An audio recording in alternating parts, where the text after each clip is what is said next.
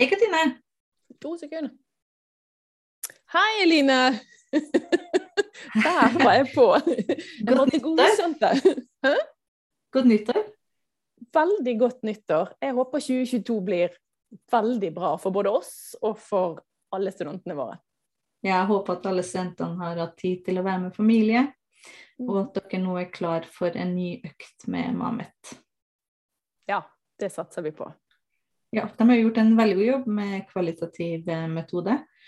Og eh, nå håper dere allerede er i gang, fordi det er få dager igjen til innlevering av den første kvantitative oppgaven.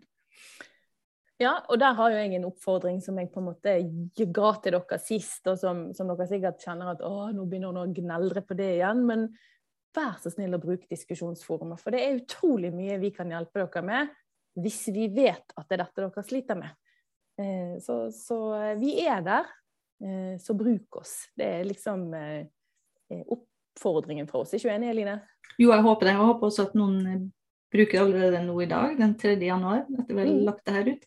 Eller iallfall i morgen, fordi det, tiden tikker for eh, første innlevering. Og da håper jeg at dere har gjort dere kjent eh, med modulen med kvantitativ metode. Håper jeg kvalitativ, det er så like ord. Kvantitativ metode i eh, Canvas. Eh, og kanskje spesielt den figuren som viser på en måte eh, hvordan vi grovt deler inn de ulike studiedesignene innen kvantitativ metode. Ja, da tenker du på den dette med eksperimentell versus ikke-eksperimentell eh, design, sant? Ja. Ja. Så jeg foreslår at man setter seg inn i disse ulike endepunktene som er beskrevet som tverrsnittstudie, kasuskontrollstudie, kohortstudie og randomisert kontrollert studie. Kanskje de fire. Mm. Ja, og, og nå ser jo, Det er jo det vi håper at studentene våre skal lære, litt sånn som vi snakket om eh, i den kvalitative modulen. At de ser at det å gjøre eh, forskning handler Altså at kvalitativ forskning det er mer enn intervju, og at kvantitativ forskning er mer enn et spørreskjema. Sant? Altså at det er knyttet i veldig stor grad opp mot hvilket design man, eh, man bruker. Ja, og at kvantitativ forskning er mer enn tall. Ja. Fordi hva betyr det tallet du har funnet, og hvordan kom du fram til det tallet? For noen Mm. ganger så vet vi eksponeringen, andre ganger så vet vi utfallet. Um, eller det kan være ulike utgangspunkt for en studie, da. Men vil du kanskje forklare hva som er forskjellen på en eksponering og et utfall, Katrine? Ja, Guess så glad for at jeg fikk akkurat den oppgaven. Jeg. Jeg kjente at det var litt kjipt. Jeg Nei, nei, nei. Men akkurat det som du nevner der, Eline, er jo ekstremt viktig at dere tenker på i alle de oppgavene dere skal skrive om, eh, om kvantitative eh, oppgaver. Sant? Nå, altså dette med både tverrsnitt, kohort, kasuskontroll og eh, randomisert kontrollert studie. Hva er eksponeringen, og hva er utfallet? Og husk på det som jeg har spurt mye om når dere skal lage problemstillinger. og det er Hva er det dere egentlig vil ha svar på? Sant? Og det er jo egentlig kanskje litt sånn i en eh, kvantitativ studie mye mer tydelig at hva er utfallet? Sant? Eh, og, og, eksponeringen, sånn som hvis vi skal trekke det til det caset som de har fått, da, Eline, handler jo om, Mm. om eh, sosial støtte. Sant? Mm. Og da kan man jo si at eksponeringen kan være den ammeveiledningen eller den sosiale støtten som de får da, typ på barselavdelingen. Og hva er da utfallet vi er på jakt etter? Jo, kanskje i noen studier som så er vi på jakt etter eh, hvor mange kvinner fullammer ved hjemreise. At da kan det være det utfallet vi vil se på, og se på om det er en assosiasjon, en sammenheng mellom utfall og eksponering. Altså er det sånn at det er en sammenheng mellom de kvinnene som får en veldig sånn bekreftende eller oppfølging av ammeveiledning, at de i større grad fullammer ved hjemreise, f.eks. Og at vi snakker da om ja, eksponering og utfall i den forstand. Og det er viktig at når man skriver disse eh, kvantitative oppgavene og reflekterer rundt hva er det de blir eksponert for, eller utsatt for, eller intervenert for, og hva er det på en måte vi måler som utfallet. Ja, ikke sant. Og så ser jeg eh, På kohortstudier så eh, snakker vi ofte om årsak til noen ting, men det er ikke Mm. alltid vi kan si noen ting om, om eh, den faktiske årsaken. Men at vi kan si noen ting om det du sier her, da. Dette med at det er en sammenheng, statistisk sammenheng, eller at det er en assosiasjon mellom to faktorer. En måte å forstå forskjellen på en eksponering og utfall eh, på, eh, er å tenke at det er en tidslinje. Så Mm. hvis du lager en strek, og så skriver du opp de to tingene du ønsker å studere, og den som kommer først, det er eksponeringen. Det type, det her er det som har skjedd med denne personen, det er det den er blitt utsatt for eller vært med på. Intervensjon, hva det måtte være. Og utfallet er på en måte endepunktet. da. Så Mm. sett det opp på en tidslinje, det er mitt tips. Og når du snakker om sånn tidslinje, så vil jo kanskje kasuskontroll og, og kohortstudie bli på en måte litt sånn opposite. Altså det, da går tidslinjen hver sin vei, hvis du ikke var det et bilde som var, var mulig å forstå.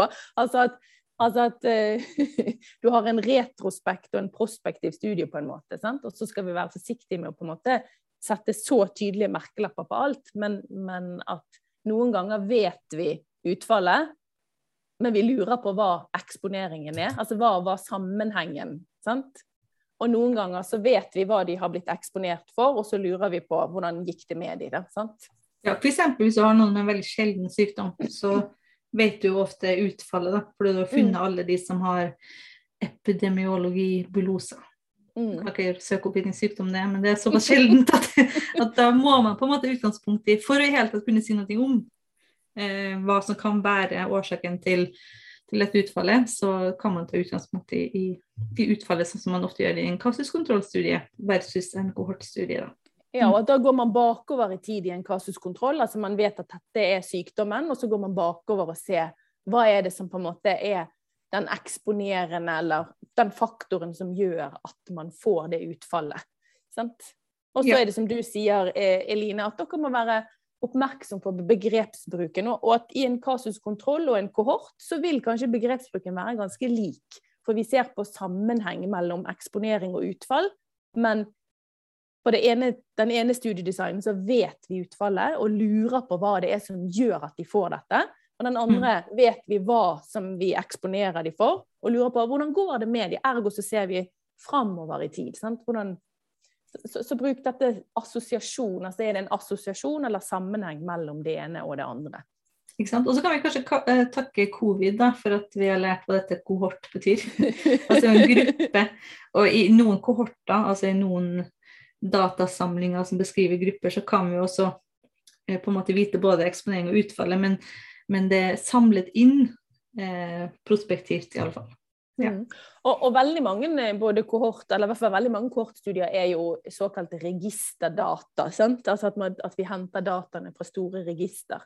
Det er Ja. sånn som f.eks. mor-barn-studien, eller mor-barn-kohorten. Det er jo en kjempestor kohort eh, som både jeg og du, Eline, har samlet data til og deltatt i. sånn at eh, Men det er altså en kohort der forskere går inn og så henter de da data fra et register. Sånn at dere må tenke på at man må ikke alltid hente dataene via et spørreskjema, men altså de, altså de, er, de dataene er jo samlet inn både ved blodprøveanalyser eh, og spørreskjemaer, men at du som forsker henter det, de dataene i det registeret. Du, for du har jo gjort en del registerstudier, Eline. Ja, stemmer det. Men et annet ord som jeg, som jeg ser mye brukt og mye misbrukt eh, i eh, kvantitativ forskning, det er ordet effekt. Ja, viktig. Vil du si si noe om hvilke studier det hører til? Ja, altså Den eneste gangen vi kan snakke om effekt, er jo egentlig i randomiserte, kontrollerte studier. Sånn at Hvis dere nå sitter og skriver problemstillinger knyttet til kort og kasuskontroll og lurer på hva er effekten av det opp mot sånn, da må dere på en måte vis, finne viskelær og ta det vekk med en gang. For vi kan ikke si noe om effekten. Det er kun i en randomisert, kontrollert studie vi kan si at det er en effekt. For da måler vi ett tiltak mot et annet. Og så ser vi på hvilket er best, eller er det det samme? Eller er begge like dårlige eller begge like gode? Eller, Mm. ja. og, og, og det er litt lurt å tenke på hvis dere planlegger en type randomisert, kontrollert studie, så er det en intervensjon opp mot en kontrollgruppe. Og da er det på en måte veldig uvanlig i dag, kanskje vanligere før, at man hadde en intervensjon. Og så hadde kontrollgruppen de var bare standardbehandling. Men så de må ha en, begge gruppene må være eksponert for noe, kan du si. sant? Ja, og en randomisert kontrollert studie er ofte en veldig stor og tidkrevende studie og krever mye både i planleggingen, men også etisk sett så kan det være ganske krevende med en randomisert kontrollert studie. Har du noe eksempel på det, Katrine? Jeg kan prøve uten at det blir liksom helt sånn superteit. Men, men, men hvis man tenker f.eks. sånn som, sånn som eh, Nå er jo sosial støtte eh, i denne studien her, sant? Mm. Og det er jo på en måte si vi kunne jo ikke randomisert og så, og så søkt, skal jeg søkt regional etisk komité om godkjenning for studiene. Så skal vi se disse skal få omsorg, og disse skal ikke få omsorg, f.eks. Mm. Det går ikke, for dette ligger som en del av konseptet, det å være innlagt på sykehus. Det de skal få den behandlingen de rettmessig har krav på. Eh, så det, det, er jo på en måte Og det samme som jordmorhjem, f.eks. At man kunne Skal vi randomisere de som til ikke-jordmorhjem, og noen får jordmorhjem. Ja, men Bergen kommune har et tilbud i dag, veldig mange kommuner har et tilbud i dag om jordmorhjemtjeneste. Ja, Da kan vi ikke i dag gjennomføre en randomisering og si at nei, Eline, du fikk ikke. Jeg vet du bor i Bergen kommune, men vi har mm. randomisert deg til ikke å få. Men det er et tilbud som eksisterer. Og så hvis vi skal dra det langt eller lenger, så kan vi jo se at innenfor noen fagfelt så, så har vi randomisert, altså færre randomiserte kontrollerte studier. Nettopp fordi at etikken tilsier at vi kan ikke randomisere, f.eks. innenfor psykiatrien. Så er på en måte kanskje utfallet eh, så, så, alvorlig som, mm. som, som, død eller selvmord, f.eks. Da kan vi ikke randomisere i to grupper, og så ser vi eh, de får behandling, og så ser vi med de andre, og så ser vi hvordan de Nei, de, gikk ikke så bra med de. Altså, det kan vi ikke gjøre. Så etikk er veldig viktig tenke når vi skal drive med randomiserte, kontrollerte studier. Var det et Kjempegodt eh, svar, Katrine. Tusen takk for det. Og jeg tenker også at jeg kan kanskje si allerede nå, i og med at dere er ganske nye ny i forskningsfeltet, si at ingen har kommet til å gjennomføre en randomisert kontrollert studie som masteroppgave, fordi de ofte krever både veldig mye tid og planlegging, og at det i mange tilfeller kan være etisk problematisk å planlegge og gjennomføre en. Så jeg tenker jo, når dere nå velger å gå videre med ett design, så kan det kanskje være klokt å jeg tror jeg ville gått videre med tverrsnittstudie, kanskje. Hva ville du gått videre med, Katrine? Jo, jeg tror tverrsnitt, eller kohort, men tverrsnitt tror jeg er veldig sånn, for det er ganske nært opp mot det som, som de kanskje vil gjøre i en, en kvantitativ studie i masteroppgaven sin. Og så huske på det at eh, når vi bruker tverrsnitt, så ser vi i liten grad på om det er en årsakssammenheng. fordi at i motsetning til kasuskontroll og kohortstudier, der man har mange målepunkter, Mm. Så har man kun ett målepunkt. sånn at det er veldig vanskelig å si hva som er eksponering og utfall faktisk i en tverrsnitt. Men at man i større grad tver, eh, gjør en tverrsnitt for å kartlegge, og så ser vi. Så Ikke sant? Kan... Men igjen så er den tidslinja interessant, da, for da har du bare ett punkt. Sant? På de andre mm. to studiedesignene vi diskuterte i sted, så har du to eh, tidspunkt, mens her har du ett tidspunkt. Og da gjør man jo en beskrivende oppsummering av eh, forekomsten, altså prevalens av noe. Mm. Mm. Men vi, vi, ser jo at vi gjør sammenligninger for så vidt i en tverrsnitt, men da er ikke det det som er hoved, hoved på en måte mm. utfallet vi er på jakt etter. F.eks. at man kan se på ja, er det en, en ulikhet da, mellom førstegangs versus flergangsfødende. At vi på en måte splitter opp uh, utvalget vårt istedenfor å se på det uh, som en hel hvis, hvis, det har vært inklusjonskriteriene, at at vi har både første- og flergangsfødende i utvalget vårt. Da, ja. og veldig ofte ser, er, mm. ofte så er jo vi ute etter tverrsnittsstudier når vi gjør andre studier også, for vi har lyst til å fortelle noen ting om ja, 2% av befolkningen har dette, eller ja, ja, de, de, er veldig veldig viktige studier. Alle studiene er like viktige, og kanskje det jeg prøver å si. da. Det er ikke sånn at eh, en randomisert kontrollert studie er mer viktig enn andre studier, men de gir svar på ulike ting. Mm, ja, og det er det som er på en måte veldig viktig å se noe om. Sant? At En kohort og kasuskontroll, der ser vi på om det er en assosiasjon mellom mm. eksponering og utfall. Sant? Mm. Mens i en randomisert, kontrollert studie så er vi opptatt av effekten av et tiltak. Er det sånn at dette tiltaket har bedre effekt enn dette tiltaket, f.eks.?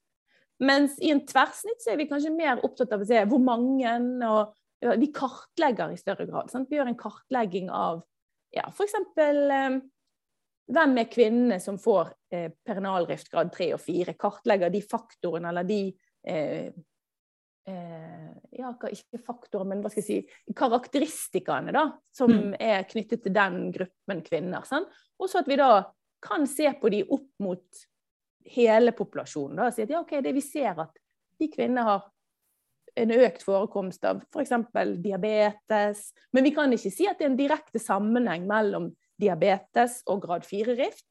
Men da må vi gjøre en kohort eller en kasuskontroll. Så ser du at en tverrsnitt kan danne grunnlaget for nye hypoteser, nye mm. tanker. Så vi må begynne et sted. Så, så bare vær bevisst språkbruken når dere på en måte formulerer problemstillingene deres? Ser dere mellom sammenhenger, ser dere på effekten, eller ser dere på at dere skal kartlegge et fenomen? Og så blir fort, eh, Problemstillinga blir jo eh, fort ganske ordrike. Så det jeg mm. tenker da, at kanskje man skreller ned til det man må ha med, og så kan man heller i i beskrivelsen av eh, study sample, hva heter det på norsk? Utvalg? Utvalget. I, I, beskrivelsen av utvalget kommer mer tilbake til akkurat hvem det gjelder. At, at litt informasjon kan være i problemstillingen, men, men uh, man må ikke komme alle detaljene der, for da blir det fort en veldig veldig lang setning. Så vanskelig å, å vite hva du egentlig er ute etter. da. Mm. Ja. Og nå har jo vi gneldret sikkert sånn at de kjenner på at nå dør vi, men det dere, dere fordyper dere nå, så, så, så blir det veldig spennende. Og at det er viktig, de tingene, de momentene som vi nå har lagt inn i denne podkasten, de, de, er viktige. Og, og, så tenker jeg at veldig fint hvis noen av dere våger dere frampå med å, lage en problemstilling og så kaste den i diskusjonsforumet. Så skal jeg og Eline prøve å hjelpe dere å komme med innspill. Og så vil dere nok se alle gruppene at dere er ganske like i hvordan dere formulerer, fordi dere har nøyaktig samme case. Så det er jo begrenset hvor mange eh, forskjellige problemstillinger dere kan lage. Men helt til slutt, se at den samme problemstil, eller det samme caset kan generere både kvalitativ og kvantitativ forskning, og hvor viktig det er. Ja, og så er alltid lys av etikk hele tiden. Alltid. ja, husk ja. på det. Har vi lov til dette? Sant? Det er utrolig mange studier som er veldig gode på papiret. Men uh, gjennomføringen, glem det. mm. ja. Nei, vi håper dette har vært til hjelp. Håper dere bruker diskusjonsforumet. Der vil dere treffe både oss og Karolina Mæland, så det er helt supert. Mm. Og så blir det en innlevering nå 6.1 en videokonferanse 12.1, og så har vi utsatt fristen for å levere ønske om masteroppgave til 18.1. Og der kommer jeg til å legge ut en, eh, et til forslag på en problemstilling eh, sammen med denne podkasten. Og det kan man også søke på. Og hvis man allerede har søkt, men syns dette virker spennende, så kan man sende en ny søknad. Det går veldig fint. man skal være veldig fleksibel på det. Og det er et viktig tema. ja. Det var et viktig tema. Ja, hva handler det om, Katrine? Vil du selge inn ideen, eller? Ja, jeg, dette syns jeg er et viktig tema. Jeg brenner litt for det. Det er egentlig oppsummering av kunnskap knyttet til eh, smerte i barseltiden. Både for de med keisersnitt og egentlig den helt normale barselkvinnen. Det er et underkommunisert eh, problem, mener jeg. Både blant barselkvinner og også blant jordmødre. Det er kjempebra, og det er helt uh, rett observert, tenker jeg. Um, det er ikke førstemann til mølla-prinsippet som gjelder. Alle søknadene skal være inne før vi begynner å fordele oppgavene, og det er lov å komme med egne ideer. Man skriver da det som tredje ønske, men det blir vurdert da som et første ønske, selvfølgelig. Um, og i alle fall hvis det er en litteraturstudie, så tenker jeg at det er lett å kunne hjelpe dere til å få den gjennomførbar. Um. Erfaringsmessig så ser jeg at de prosjektene man formulere selv, ofte ganske store i starten, så man må i så fall prøve å trimme det ned til at man finner svaret på én puslespillbrikke i en veldig stor, kompleks problemstilling i praksis, tenker jeg. Og det som du sier der, må dere øve dere på i de eh, problemstillingene dere nå skal lage til den kvantitative eh, oppgaven dere skal levere. Husk ett utfall. I det øyeblikket dere har lurer på det og det og sånn, da er det bare mm, Da må vi bruke begrepet som jeg har introdusert for Eline, 'kill all your darlings'. Du kan ikke svare på alt. Du må velge én ting. Og så være fornøyd med at du kan ikke redde verden i, i ett forskningsspørsmål. Nei, dere skal nemlig ikke det. Ikke redde verden. Dere skal finne forskbare spørsmål. Mm. Og, og, finne roen med at man finner svaret på én puslespillbrikke. Og det er godt nok. Det er mer enn godt nok. Det er faktisk det som er bra. Det er faktisk det de skal. Ja. ja. Da tror jeg vi sier uh, takk for at dere hørte på, og ønsker dere masse lykke til. Og vi ses i diskusjonsforumet, og dere vet hvor vi bor, ikke sant? Mm. Ha det! ha det!